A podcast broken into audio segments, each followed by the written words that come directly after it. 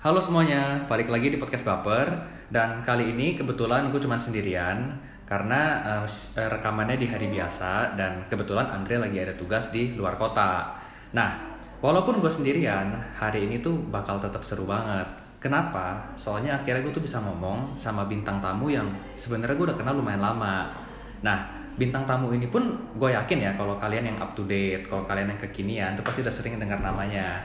Karena kebetulan waktu itu eh, dia pernah masuk ke Forbes 30 under 30 ya. Yep. Ya, betul. Nah, tuh udah ada hintnya tuh. Orangnya cewek. nah, jadi eh, hari ini gue bakal ngomongin tentang topik yang sebenarnya lumayan apa ya, lumayan sensitif, lumayan seru. Tapi gue pengen ngomonginnya tuh dari sisi yang berbeda gitu. Jadi hari ini topiknya tuh bakal ngomongin tentang kesepian. Nah, kesepiannya nggak melulu tentang galau-galauan, tapi bisa juga dari gimana sih orang-orang yang selama ini ngejar mimpinya itu tuh bisa merasa sendiri gitu. Orang yang selama ini mungkin kerjanya sendiri, itu tuh bisa kayak ngerasa, oh kok kayaknya apa yang gue lakuin selama ini nggak berhasil gitu. Dan di sini gue pengen ngomongin hal ini sama salah satu, ya bukan salah satu sih ya, satu narasumber yang menurut gue sih valid banget nih. Orangnya nih apa ya namanya, menurut gue sih keren dan kalau kalian nanti dengar bisnisnya tuh pasti tahu bisnisnya tuh apa. Oke, jadi jangan ke mana-mana dan kita bakal balik ke topik utama setelah yang satu ini. Yo, this one here goes out to all my players out there, man. You know, that got that one good girl, dog, that's always been there, man. Like, took all the bullshit. But then one day she can't take it no more and decided to leave. Yeah. Oke, udah masuk ke topik utama dan sekarang gue bakal langsung mempersilahkan bintang tamu untuk memperkenalkan diri. Silahkan. Halo semuanya. Boleh nama lengkap, pekerjaan, umur boleh kalau mau. Oke oke. Eh, nama gue Eugenie, biasa dipanggilnya Nini, biar lebih gampang. Em, umur gue sekarang 25 tahun, tahun ini 26. Sekarang gue sehari-hari kerjanya di Puyo. Kalau tahu Pasti tahu sih kayaknya ya. Eh, Puyo Desserts. em, gue salah satu co-foundernya bareng kakak gue dan sekarang Puyo ini sudah berjalan eh, tahun ini 7 tahun. Hmm, hmm, hebat hebat. Berarti dari sebelum lu kuliah udah mulai puyo ya? Betul, dan Nah. umur 19 tahun. Hmm, Nah selain puyo ada yang baru kan nih. Nah itu boleh dikasih tau juga. Oh iya iya. Eh, selain Puyo, gue memang eh, ngejalanin seputar seputar F&B juga. Eh, salah satunya itu namanya Haka Dimsum. Ini baru setahun lebih dibangunnya eh, sama co-foundernya namanya Kenny. Kita juga baru joinan kurang lebih dua bulan setelah Haka buka. Jadi Puyo eh, kira kita joinan sama Haka tahun lalu 2019 awal tahun lah kayak gitu. Dan sekarang Haka Dimsum ada dua outlet di Kemang dan di BSD. Oke, nah Hakarim Sam ini kalau gua nggak salah 24 jam ya? Iya, Iya, Dimsum Shop 24 Ah, jam. Nah, nah, jadi yang malam-malam suka lapar tuh terus lapar ya kan eh, nonton Netflix nggak ada temennya mungkin bisa ke HK dulu gitu ya. Iya. Tapau atau mungkin udah ada di eh, Grab atau GoFood udah ada? Belum ada Oh, sih. Belum ada ya. Berarti beli terus tapau bawa pulang. Iya. Iya. Nah, jadi eh, kalian mungkin udah tahu banget ya, eh, mungkin terutama untuk Puyo dan eh, Eugenie ini waktu itu juga memang gue tahu pertamanya sebenarnya sih dari eh, sahabat gue sendiri eh, Gustika waktu itu. Dan gue lihat memang banyak banget nih ini tuh udah diundang gitu ya ke sana kemari dan selalu ngomongin tentang eh, Puyo gitu. Kayak gimana sih Puyo dari dulu eh, Nini apa namanya kembangin dari cuman berdua kan ya sama Adrian, kakaknya ah, sama Adrian sampai sekarang tuh udah punya berapa outlet nih? Sekarang kita ada 89. Wah, 89 dan itu semua nggak ada yang di franchise ya? Nggak ada. Itu semua sendiri. Itu bayangin tuh duitnya muter-muter di sana banyak banget ya. Oke, nah terus kalian nggak usah khawatir karena hari ini gue nggak mau fokus di Puyo. Secara udah diomongin di mana-mana. Kalian bisa dengar uh, Nini di podcast lain dan atau mungkin di YouTube ada kali ya? Mungkin ada Mungkin kali ada ya, coba dicari. Uh, jadi kalau mau tahu tentang Puyo secara mendalam, uh, kepoin Instagramnya aja atau kepoin ini nanti di Instagramnya gue taruh di uh, apa namanya di bio di podcast gitu. Nah, sekarang kita langsung ngomongin nih ya. Nih, kan lo sekarang umur 25, masuk 26. Tuh. Nah, kalau ngomongin tentang kesepian nih, Mm-mm. uh, selama ini yang buat Nini suka ngerasa kesepian tuh apa sih? Kan umur kita nih masih umur-umur quarter life crisis Betul, nih ya. betul. Nah, cuman Nini nih kebetulan juga sebenarnya udah uh, berkeluarga ya. Iya, baru nih baru kita menikah. mepet-mepet Sama-sama nih. baru menikah. Iya, jadi waktu Nini nikah nggak lama gua. Nah, uh, apa sih nih momen-momen yang sering membuat lu ngerasa kesepian? Em, mungkin gue udah melalui itu sih Mhm. semoga ya gue nggak tahu ya nanti di ke depannya kalau udah punya momongan atau apa itu beda ya Iya, betul, eh, betul. rasa stresnya Nah. gitu ya cuman gue ada titik di mana gue merasa kesepian jadi pertama banget ada beberapa sih Eh, mungkin orang ini seru sih topiknya ya karena Hmm. mungkin orang kalau misalnya dengar gue bicara dan lain-lain Hmm. pasti dia mengambil poin-poin yang happy happynya semua Benar, paling kalau yang um, struggle-nya dan Hmm. lain-lain tuh pasti struggle bisnis kayak Iya, ditipu iya. lah Oh, apa oke, kayak oke. gitu-gitu kan Iya, iya. Um, bukan secara foundernya atau Hmm, gue atau Adrian ya, bukan secara, secara personal, iya betul. betul jadi menarik Hmm. Uh, mungkin di awal-awal banget gue bikin bisnis Puyo itu gue sambil kuliah Mhm. Uh, jadi waktu awal banget tuh gue sama kakak gue ngerjain dan gue merasa kesepian tuh lebih ke saat semua orang main saat semua oke. orang um, lah semester 1 Iya, semester iya. 2 lagi seru-serunya Benar, bergaul dan lain-lain itu gue kemakan waktunya karena waktu itu semua masih ngerjain sendiri Hmm. Oke. masak sendiri bikin sendiri Bikin- semuanya. iya, bikin Oke. sendiri dan Itu resep by the way resep keluarga ya? resep bokap gue Wah, Iya. berarti pantesan ada franchise ya. ya, oke oke Iya, lanjut. jadi itu gue merasa down banget sih. Mhm. Jadi em, merasa down karena kok gue harus ngerjain ini semua gitu. Bukannya nggak grateful, grateful Mhm. sih, happy ngerjainnya awal-awal. Menurut gue itu seru banget gitu. Mhm. Tapi adalah masih ada anak-anak umur baru masuk kuliah tuh masih ada selfishnya ya, Iya, kayak pasti, masih pasti. egonya besar gitu, ingin main-main juga, Mhm. ingin gak mau tiba-tiba di pas mau tidur harus ngedit, harus Oh, buka oke. Instagram, harus ngepost di Instagram, Hmm. gitu-gitulah. Jadi awalnya egonya lumayan besar waktu Hmm. itu.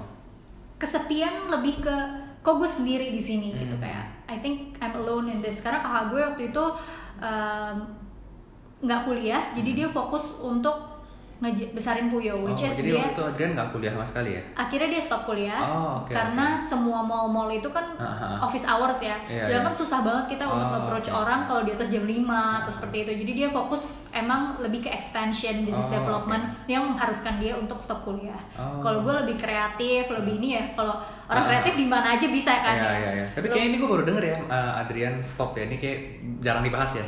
jarang sih Ah. karena em, mungkin banyak orang yang kayak stop kuliah itu bagus banyak kan Hmm. entrepreneur Iya, entrepreneur iya. kayak lu gak butuh kuliah untuk lo iya. jadi entrepreneur Ah. Adrian bu- dia nggak pingin apa membesar besarkan itu bukan karena malu sih cuman Iya, dia nggak mau encourage anak-anak muda Oke. untuk stop kuliah gitu Bener-bener. jadi Karena jalannya orang beda-beda ya. Jalannya beda-beda. Kalau Puyo tuh sukses banget jadi lu pada kalau yang punya ide-ide doang jangan stop kuliah gitu. Jadiin dulu baru stop gitu ya. Oke, Iya, terus terus. ya intinya dia mengambil keputusan yang tepat untuk seperti itu Em, jadi waktu itu gue akhirnya bisa kuliah juga Hmm. dan di situ gue merasa titik ada titik kesepian di mana gue udah kok gue kayaknya udah gak punya pilihan lain Hmm. gitu dari masuk kuliah aja gue udah gak bisa yang namanya Ah, oke. nanti tipin kerja jadi Hmm. ini kerja jadi itu gitu karena impian gue awalnya jadi interior designer Oh, oke oke. terus uh, pindah jadi entrepreneur udah punya outlet satu dua ya I have no other choice kan Iya, iya, oke. Em, jadi harus lanjutin kayak Hmm. gitu Em, jadi di situ sepertinya kayak udah ada jalannya yang memang Hmm. udah dibuat ya gue harus jalanin aja gitu Hmm. awalnya merasa bosen kok gue gak punya pilihan lain Hmm. masa gue harus kayak gini harus kayak gitu kayak gitu apalagi pulang capek abis kelas tapi harus ngerjain ini harus ngerjain itu kayak gitu Hmm. tapi how to overcome that sih waktu itu gue um, nge-hire belum temen sih cuma anak Prasmo Oh, oke. Berarti ini kayak temen-temen juga lah ya. gue belum kenal sih tadinya Oh, jadi satu kenal. satu um, kepanitiaan namanya Ah. pop up market Oh, kalau lo oke. tahu Ah. nah itu uh, dia bagian sosmed gue Hmm. bagian tenant relation Oh, oke. Nah, terus gue denger nih, nih Hmm. orang katanya kerjanya bagus kayak gini, um, bla bla bla dari orang terkenal lah, uh, Hmm. pinter, dan Hmm, lain-lain. Eksis lah dia. Eksis. Eh. Uh, namanya Gary. Oke. Ya udah, akhirnya randomly gue approach dia, Hmm. kayak gue butuh bantuan nih untuk di Puyo dan um, lo mau gak gini? Akhirnya udah interview cuman ngobrol-ngobrol doang sama Hmm. gue sama kakak gue. Terus oke, dia first hire kita untuk tim management. Sampai sampai sekarang dia ada di sini Oke, ini masih di sini. Masih, Luar tangan kanannya biasa. Adrian dia sekarang. oke. Dia- Ada orangnya nanti gue mau ketemu. Ya, Soalnya kebetulan gue lagi di Puyo HQ nih, jadi Oh, lagi di iya. markas utamanya Puyo. Bisa lihat nih. ada orang-orang di Iya bener sekarang udah rame banget. Kayaknya ini sih udah nggak mungkin kesepian ya sekarang. ya, dan itu gimana nih?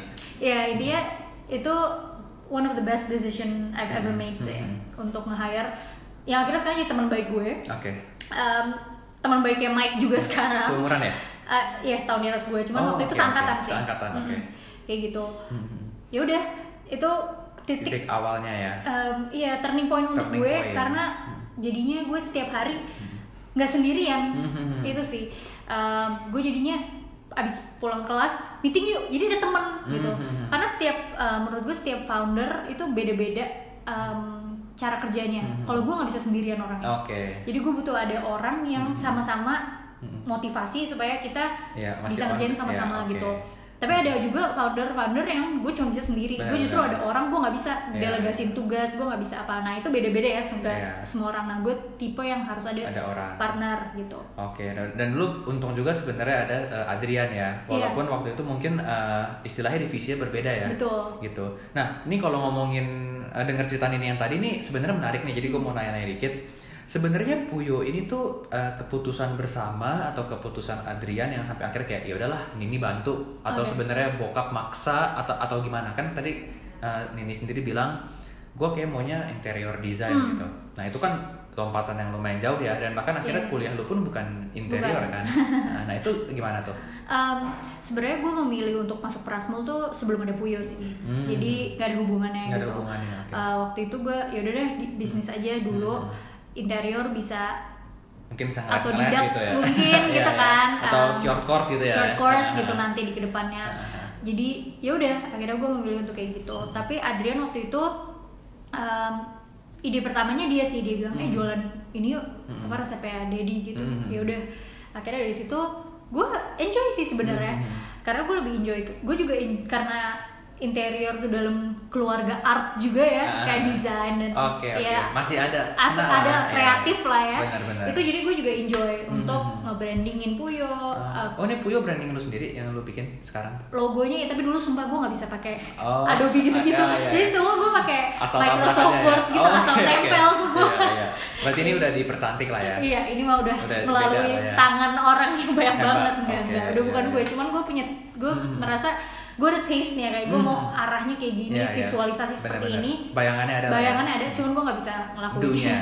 Oke, berarti Gitu. eh, kasarnya ya nggak dicemplungin lah ya. nggak dicemplungin Ini pilihan Nini dicemplungin. juga. iya gitu. betul betul Oke, Iya sih tadi eh, ngomongin masalah tipe orang, gue juga ngerasa banget karena kan kebetulan sama Ken ini mungkin listeners juga pada tahu kan gue usaha sendiri. gue tipe sama sih nih kayak lo, jadi gue juga nggak pernah merasa sebenarnya terlalu nyaman untuk sendiri. Hmm. Karena kadang-kadang kalau gue sendiri tuh nggak tahu ya nih mungkin lo bisa relate ngerasa useless gak sih?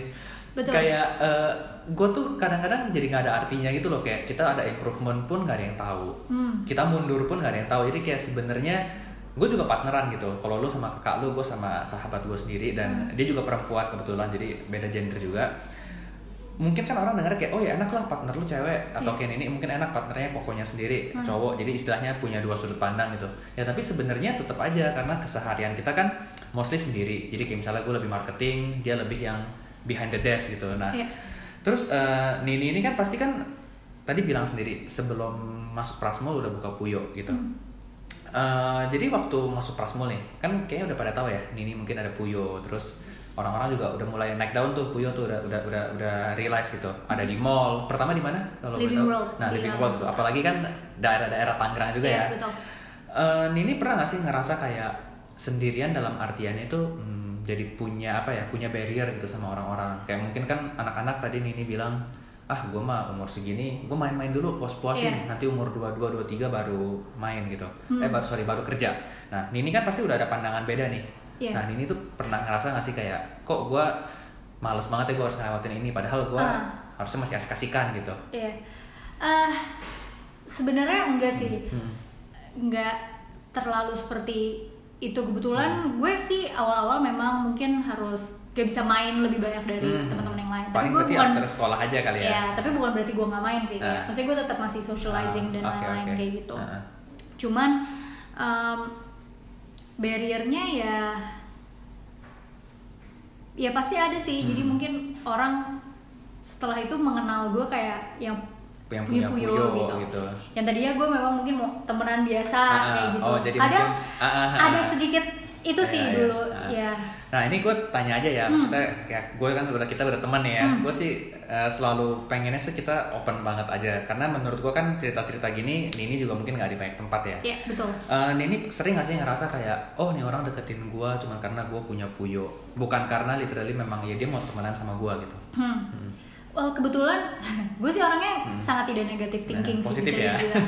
Iya, gue lumayan uh, melihat orang ya Nah. oke-oke aja gitu Nah. baik. Tapi kalau misalnya uh, kalau gue bisa bantu orang itu, gue pasti akan bantu gitu Hmm. sebisa mungkin. Cuman um, terkadang orang-orang itu suka ya apa ya kayak sedikit nggak tahu diri sih. Jadi kayak Hmm. cara pem- cara pembawaannya, cara tiba-tiba nge-approach-nya kayak Oh, gitu kalau misalnya udah kelewat batas biasa gue read doang atau kayak gue Ah, merasa Ah, ganggu nggak gitu. nggak sopan gitu atau Hmm. seperti apa Em, tapi overall enggak lah ya gue kan juga bukan artis atau apa pun gitu ya beda Iya, kalau iya. ini udah ngomongin kalau bisa kayak ya orang yang kita kenal Ah, ah. misalnya yang jauh lebih influential atau Hmm, apa hmm.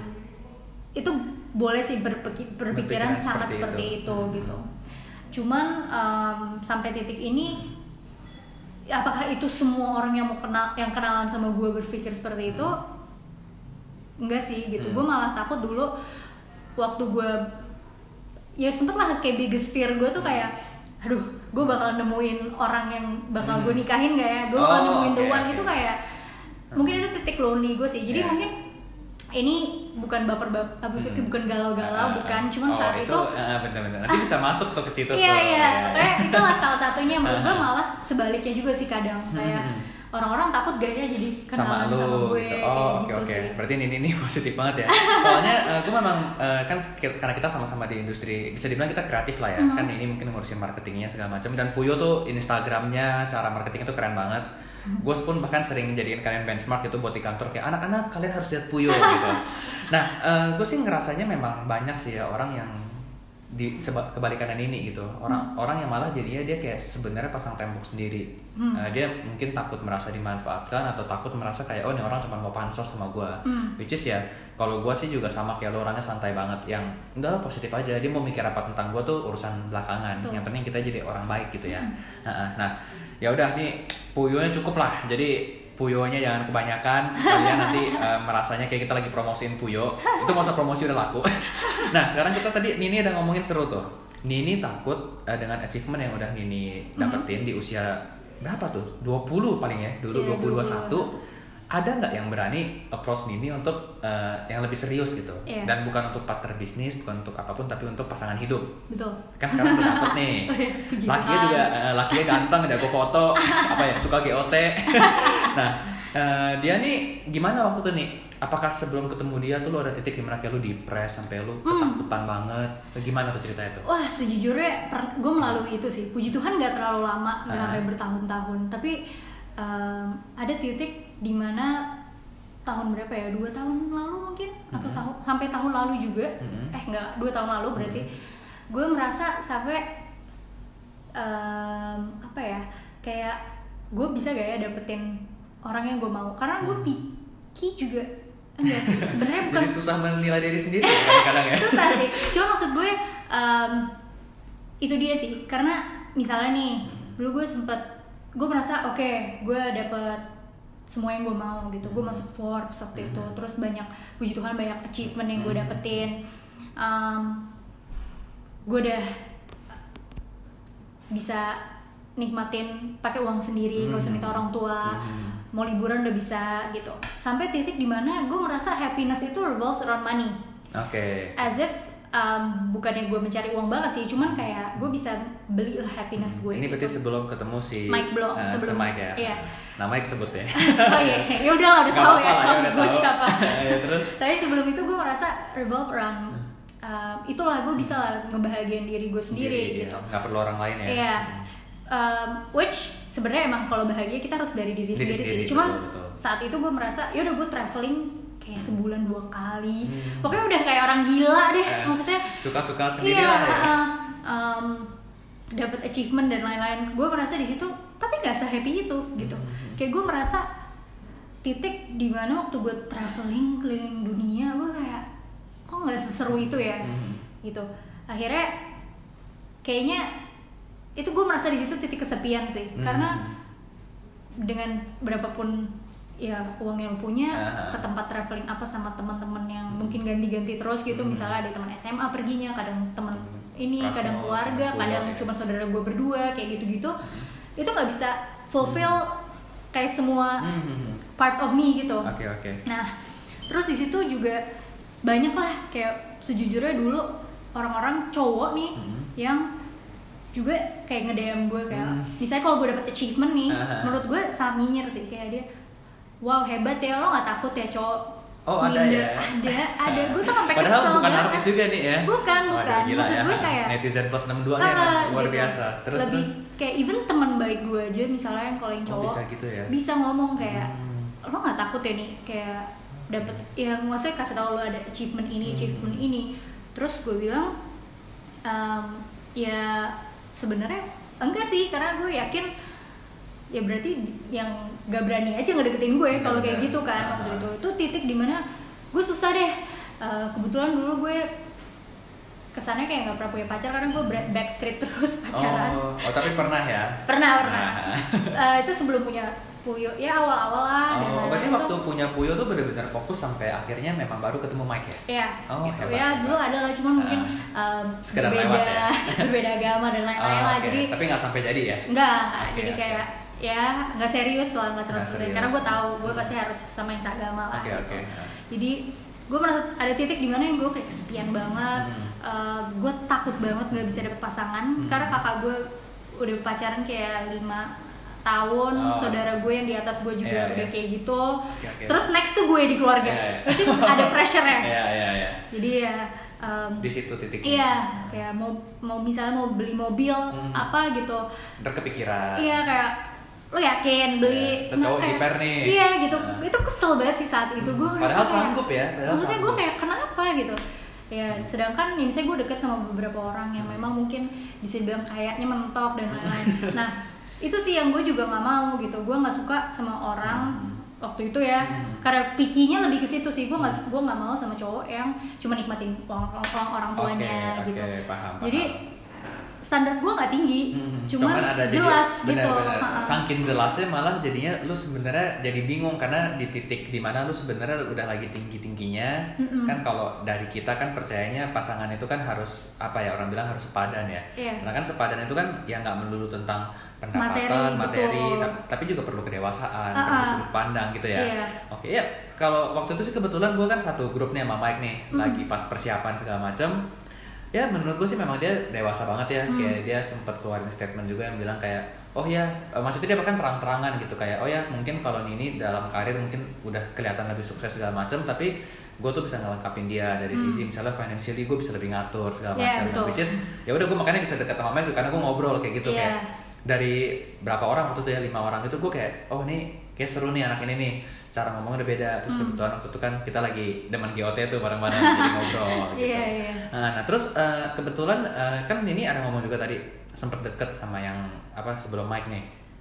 Eh, mereka itu apakah juga memperlakukan ini sama kayak Eh, apa maksudnya ada mungkin nyindir-nyindir kayak eh kamu kan udah sukses, kamu kan udah Hmm. begini begitu gitu. beda-beda ya. Mm-mm. Mungkin gue nyoba beberapa kali. Mm-mm. Kalau yang membedakan adalah em, ada yang memang sudah dari keluarganya, Mm-mm. tapi dia tidak eh, ngerespek gue Mhm. kayak pekerjaan gue dan lain Oh, merasa kayak ngapain sih ya? cari Susah-susah uang gitu. gitu, Oh. gitu. Nah itu gue nggak suka. Oke, oke. Gue merasa Mhm. bukan gue bukan mencari uangnya gitu, Mhm. tapi gue mencari orang yang memang Mhm. Em, bisa respect gue. Lu bisa- cari prosesnya juga kali ya. Iya, benar. kan tadi lu ngomong juga ya kalau cuman masalah duit mah ya gue juga nggak butuh lu kasarnya gitu ya. Iya, ya mungkin kayak gitu Kasarnya lah. gitu Gitu ya. maksudnya gue juga Heeh. mungkin banyak Bisa yang dicari ngomong, lah ya duit "Ah, lah." gitu. Banyak yang bilang kayak "Ya udah cari yang udah lah yang Langsung udah yang aja eh, ya." kenapa nggak kayak yang kayak ini aja kayak Nah. gitu nggak bisa kayak gue nggak dap gue nggak dapet feelnya kalau Hmm. misalnya dia cuma pamer-pamerin uang orang tuanya atau apa Hmm. tuh buat gue kayak cringe dan gue nggak Iya, suka iya. gitu Apalagi lu selama ini bangunnya berdua sama kakak lu Iya, ya kan. gitu. Oke, oke. ya gitulah terus ada juga yang misalnya em, dari awal udah kayak minder banget Oh. yang kayak kurang Jadi, pede gitu iya, loh terlalu kayak pede salah nggak pede iya, juga nggak boleh ya mesti gitu. pas ya mesti pas kayak berarti mic mic mah pas lah gue bilang. Pas pas. Ya, ya. orang lumayan pas ya. Ya, ya ya. Seru seru. Gue kalau denger cerita dia eh, soalnya kan background kita lumayan mirip ya. Hmm. kita sama-sama fotografer Iya. terus kerjaannya mirip-mirip Hmm. gitu. Dan kita juga waktu itu sempet cerita-cerita ya. Oke. Nah nih kalau ngomongin hal-hal gitu kan berarti di sini kita bisa ngambil satu kesimpulan ya actually itu rasa kesepian itu nggak cuman bisa didapetin sama orang yang memang istilah hidupnya susah Hmm. kan kita bisa bilang kayak ini itu diberkati punya bisnis yang baik dan eh, keluarga yang utuh semuanya tapi tetap titik itu aja tuh ada gitu Iya. nah kalau dari orang-orang yang bisa dibilang nasibnya kurang beruntung itu kan mereka bisa sampai depresi, anxiety gitu. Betul. Nah waktu itu Nini kan sempet eh, ngisi acara ya kalau nggak salah di PI ya Mm-mm. ngomongin tentang anxiety ya. iya Ah, tentang mindfulness ah, tentang mindfulness segala macam. Nah itu kok dari Nini pernah nggak sih sampai ke titik di mana kayak, aduh gue butuh nih kayaknya ke psikiater gitu, Mm. atau gue butuh nih cerita tapi gue juga sampai nggak tahu mau sama siapa gitu. Karena kan banyak orang kesepian karena mereka dikelilingi oleh banyak orang tapi nggak tahu sebenarnya mau cerita ke siapa. Iya. Termasuk ke pasangan nggak bisa, ke orang tua nggak bisa, ke kakak adik nggak bisa gitu. Iya. Dan ini pernah nggak di tahap Um, itu? mungkin sampai ke psikiater puji Tuhan enggak sih Mhm.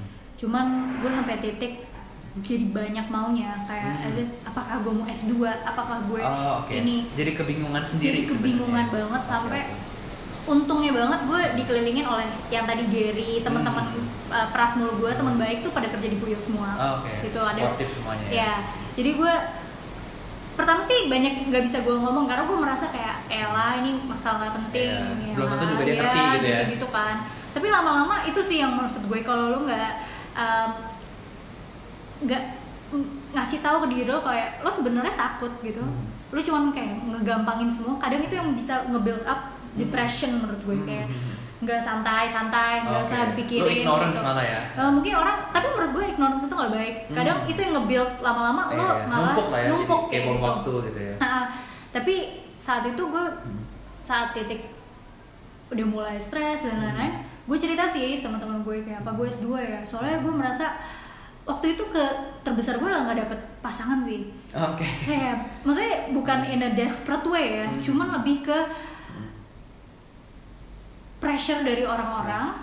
Orang-orang komentarnya seperti itu kayak ya kayak gitulah. Um, terus kok gue gampang ilfeel gitu maksudnya Oh, waktu itu. Jadi gue kayak ini uh, apa sih yang Iya, salah sama iya. gue? Kayak gue Oh, butuh I bener- ngebenerin diri gue Ah, gitu. Um, karena mungkin ya banyak karir is everything ya of course gue fokus sama karir Hmm. gue dan lain-lain cuman gue juga pingin berkeluarga itu salah satu impian gue Yeah. karena gue kayaknya gue sangat family person gitu gue pengen Hmm. punya anak gue pengen Hmm. ini tetap normal gitu jadi gue secara um, kalau ngomongin woman empowerment dan lain-lain gue sangat Iya, iya. into it juga kayak gue pengen wanita bekerja dan lain-lain Hmm. tapi secara um, berkeluarga gue juga setuju gitu jadi Hmm. both of that itu adalah jadi goal terbesar di hidup gue gitu Oke. waktu umur 23 24 lah Nah, berubah nggak 23 sampai sekarang nih? Udah tiga tahun kan ya? hmm.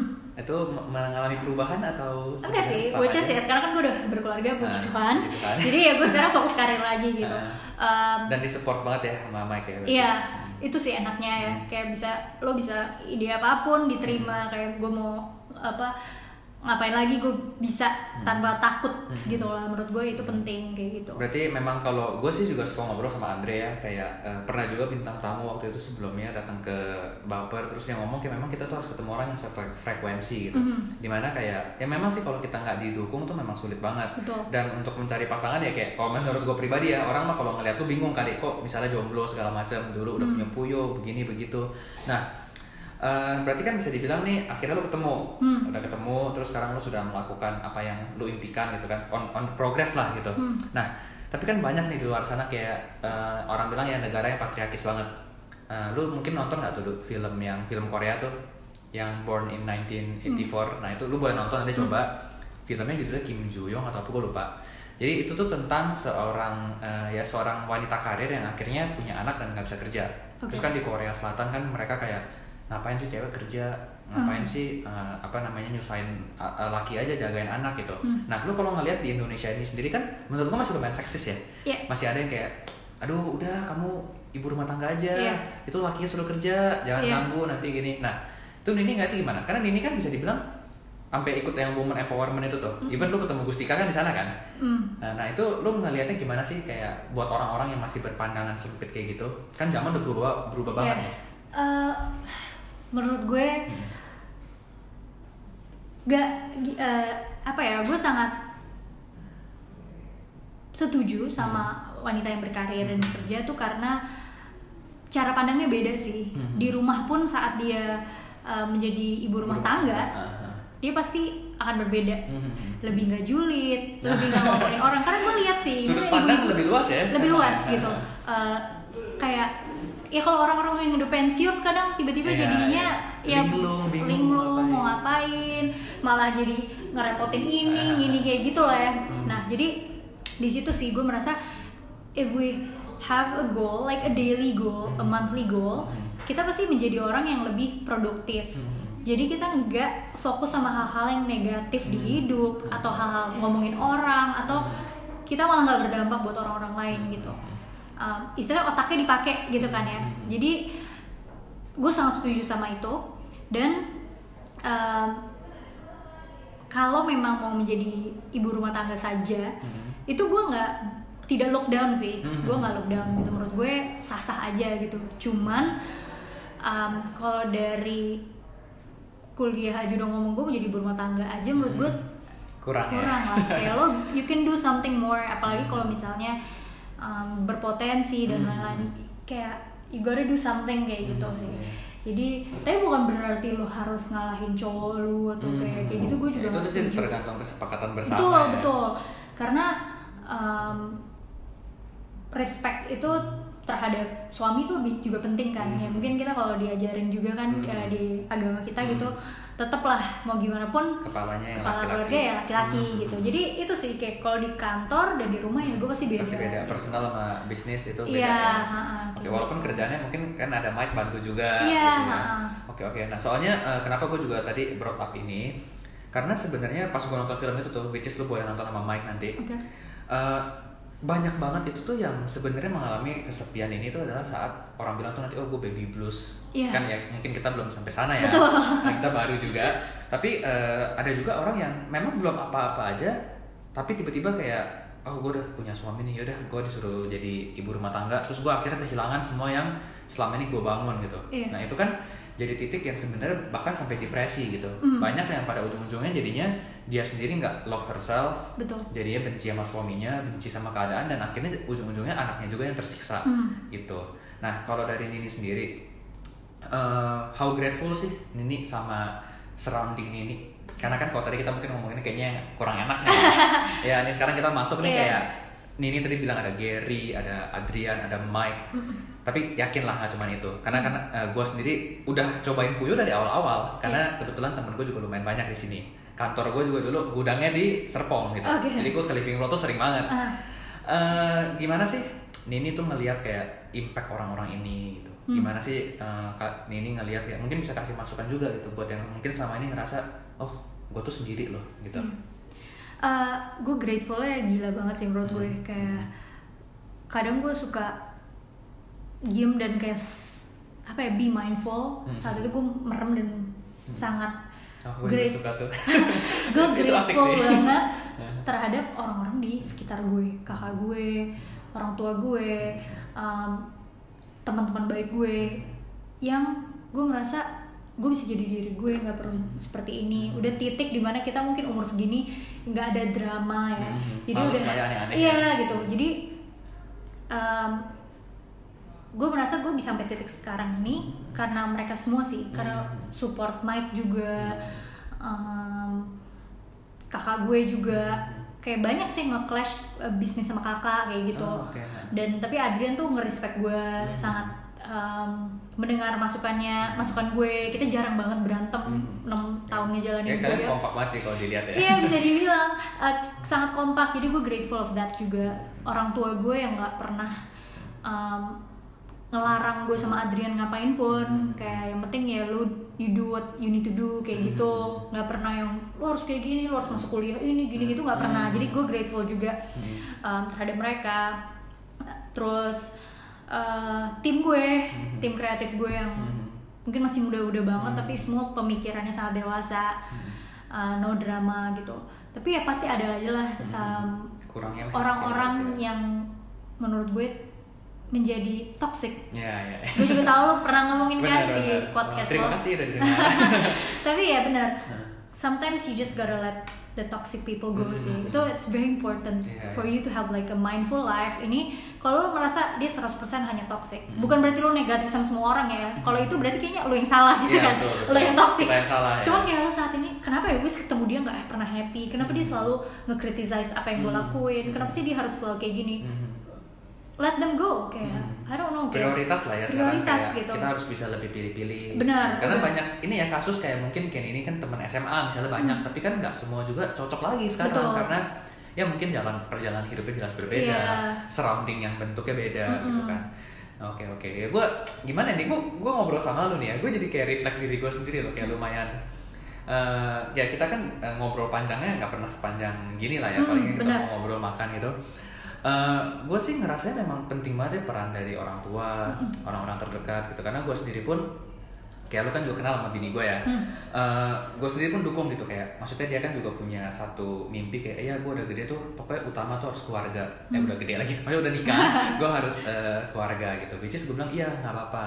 Nah cuman gue bilang juga gitu kayak yang gue paling nggak pengen dari nanti setelah kita menikah adalah gue tuh nggak mau lu kesepian Mhm. which is kesepian itu bukan berarti nggak ada yang nemenin tapi lu tuh sampai titik di mana lu bingung lu mau ngapain Iya. padahal kan gue ngerti tuh dia ngomong kayak iyalah tenang aja kan gue juga ada kerja ini terus gue ntar masak buat lu bersih rumah bentar selesai lu udah pulang kantor gitu Hmm. nah cuman gue tetep gitu di sana gue bilang kayak ya maksudnya bukannya lebih enak ya kalau misalnya lu tuh punya goal gitu lu Hmm. punya sesuatu yang menurut gue bukan lu nggak boleh bergantung sama gue kewajiban untuk memenuhi itu kan pasti di laki-laki ya Hmm. kalau perempuan bisa membantu itu puji Tuhan tapi Betul. kan tetep gitu gue nggak pengen eh, amit-amit gue kenapa-napa misalnya ya lu sendirian dan nggak tahu mau ngapain dan gue pun seneng kayak akhirnya sekarang dia bisa eh, ada mau bisnis sama adik gue Hmm. dan ya itu menurut gue hal yang baik banget gitu Betul. dan gue yakin banget tuh kalau guanya yang mungkin dari dulu mindsetnya ah ya udahlah bini gue mah di rumah aja Hmm. atau kayak gue kerja sama orang terus yang kayak yaudah yang penting gue tiap bulan dapat gaji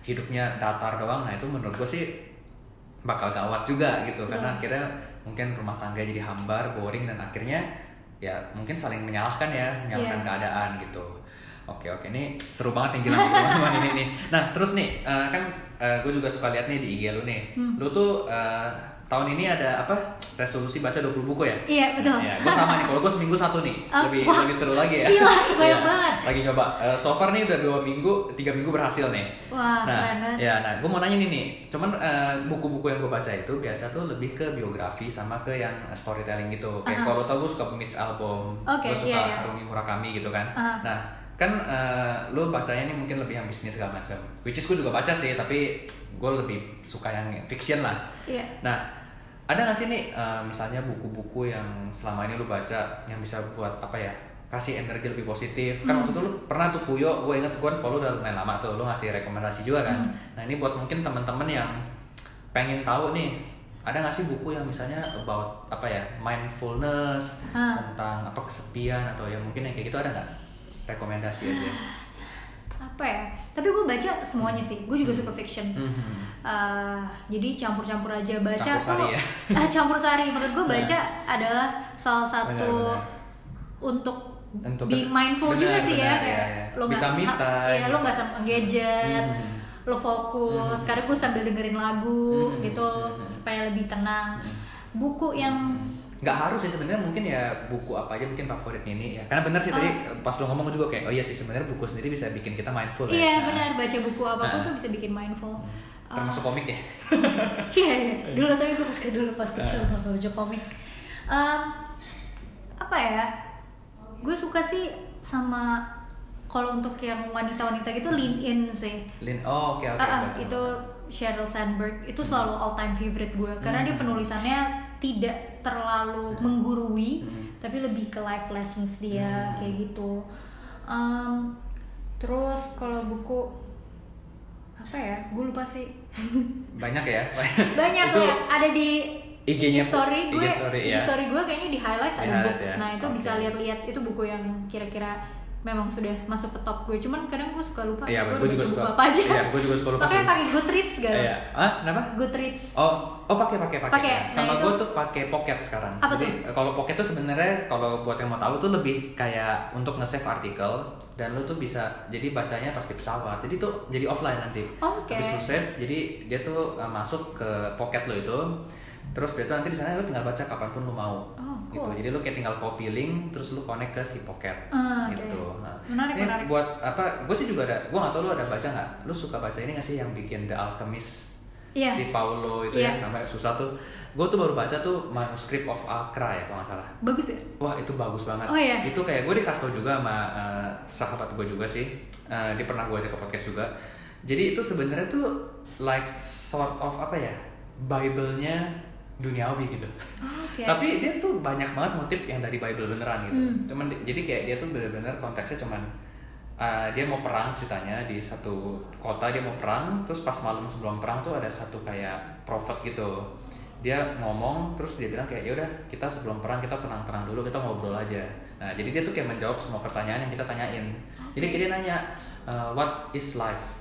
Eh, orang nanya what is life? Terus dia jawab terus kayak what about sex gitu. terus dia Hmm. nanya lagi what about uh, equality terus dia Oke. bilang kayak "Ap- kenapa sih kalau kita orang bilang Tuhan tuh adil tapi kenapa kita masih harus kerja jadi dia kayak menjawab pertanyaan Wow. kayak gitu tapi dengan cara yang sangat asik gitu Oke. dan itu lo boleh banget baca sih iya gue mau nanti Ah, masukin ke list gue ya itu kalau beli di Kinokuniya murah cuma 130.000 ribu dapat yang kecil gitu tuh Iya, keren iya. banget En- apa entengnya bukunya enteng enteng banget ya ya, ya kan sekarang banyak edisi baru Iya, gitu iya. ya Nah, oke deh nah terus ini paling uh, last aja kali ini ya Mhm. ini wah lumayan juga nih udah mau sejam gitu ya nggak kerasa Uh, uh, uh. Nah, Nini kan, uh, ini mungkin sedikit nyenggol ke bisnis lagi ya. Mhm. Kan Nini udah mulai Puyo, terus Nini udah uh, masuk ke HK sekarang.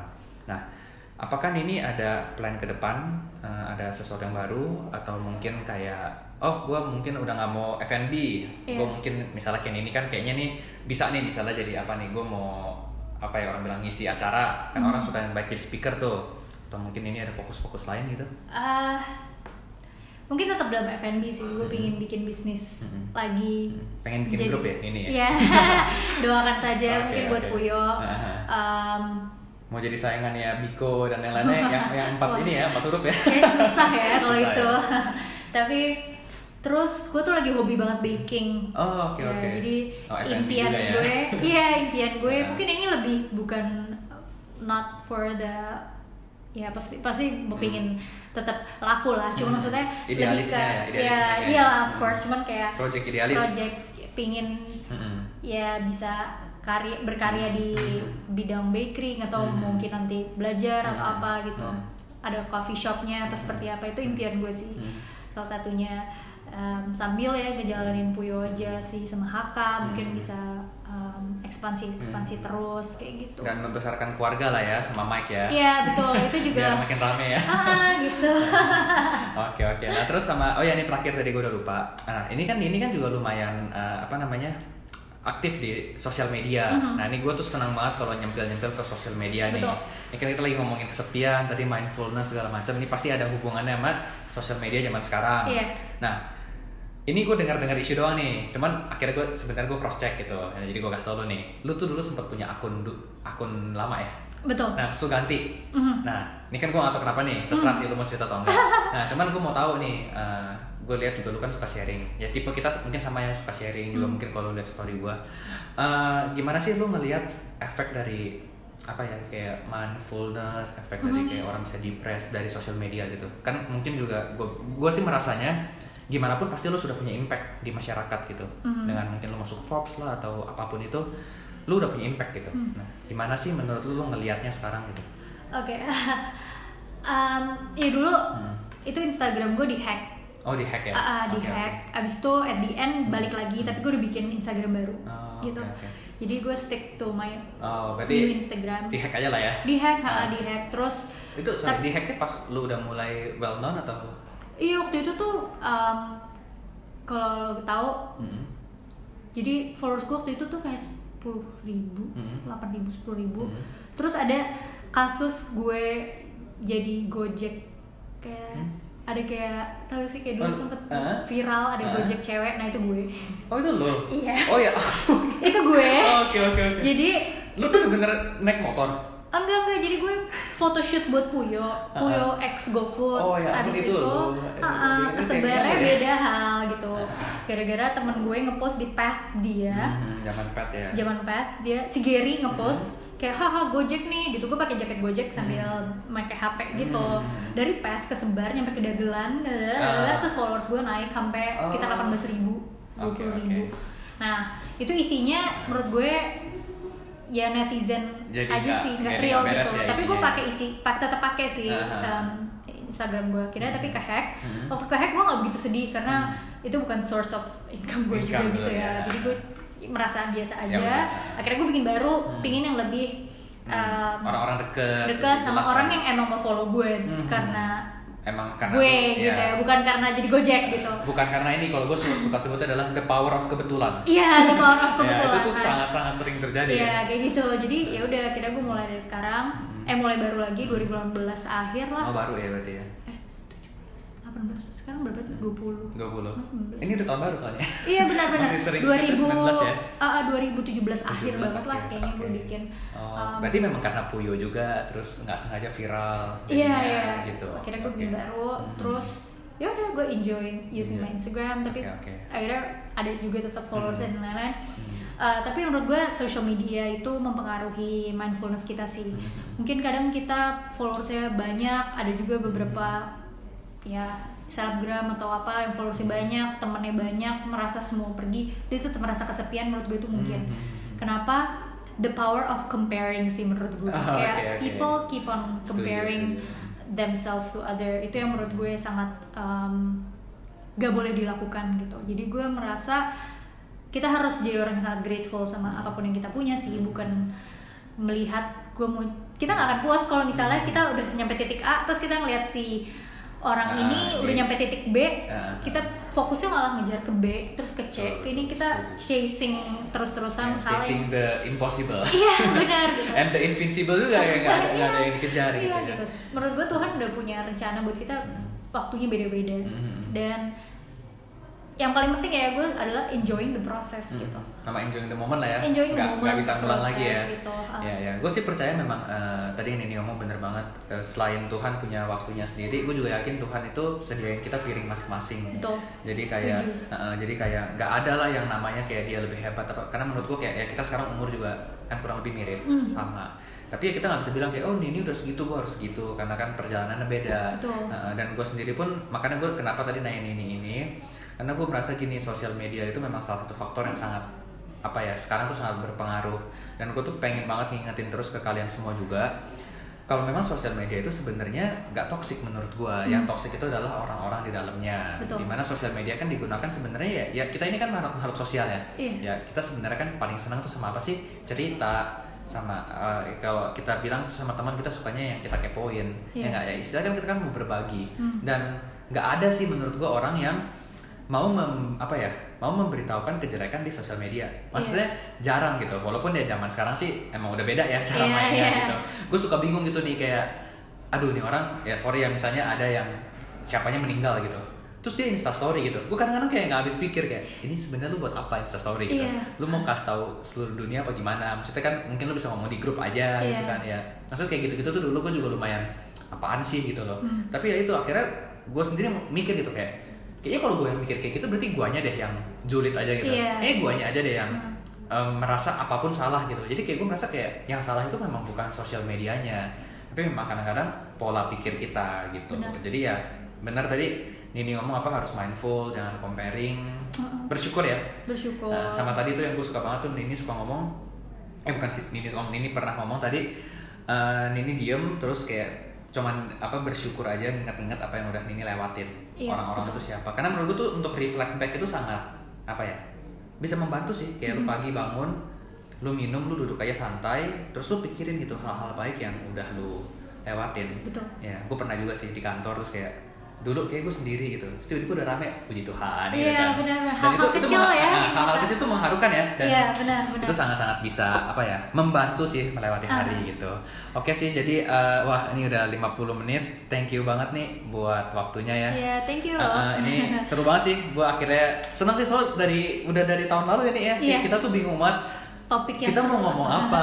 Soalnya kayak nggak gue nggak mau puyo gue nggak mau puyo puyo puyo gue nggak mau haka juga. Maksudnya nyentil nggak apa-apa lah kayak Iya. tadi. Cuman topik utamanya sih gue pengennya lebih personal gitu. Jadi orang juga mungkin bisa melihat ini dari sisi yang lebih beda gitu. Dan again ya di podcast ini gue juga pengen kalian tuh dapat sesuatu gitu. Jadi kalian harus tahu kalau nggak selalu yang hidupnya susah itu yang kesepian, nggak selalu juga yang hidupnya sudah mewah yang kesenangan. Maksudnya hal itu Iya. semua tergantung dari kita sendiri Iya, gitu ya. Jadi thank you banget nih ini sekali lagi. Eh, buat kalian nanti yang pengen kepoin ini juga bisa nanti Instagramnya gue taruh follow Puyo Dessert karena emang tuh enak banget apalagi itu milky brown sugar ya, ya. itu gue suka banget ya Thank you. ya terus dia tuh ada promo apa GoPay atau OVO tuh aduh jadi murah lagi Jadi gitu murah ya. gue sama Monik tuh suka banget selalu pesen kan ada di Sunter Mall ya gue Iya, tinggal iya. ke sana gue selalu beli terus eh, sama kalau kalian memang suka sama podcast ini kalian boleh share ke teman kalian boleh instastory terus boleh juga eh, nanti DM mention ini terserah dia mau open aja orangnya baik. Heeh, jadi eh, pastikan kalau kalian eh, dengerin dan kalian share dan tetap dengerin podcast baper di episode berikutnya. Karena nanti di episode berikutnya kita juga berusaha untuk datengin bintang tamu yang kayak ini jadi kita juga punya sudut pandang yang baru gitu ya. Oke jadi thank you semuanya udah dengerin. Eh, gue Enol pamit Gue Gijini. Ini susah ya namanya ya. Jadi pamit dan kita ketemu lagi di episode berikutnya. Bye bye. Bye.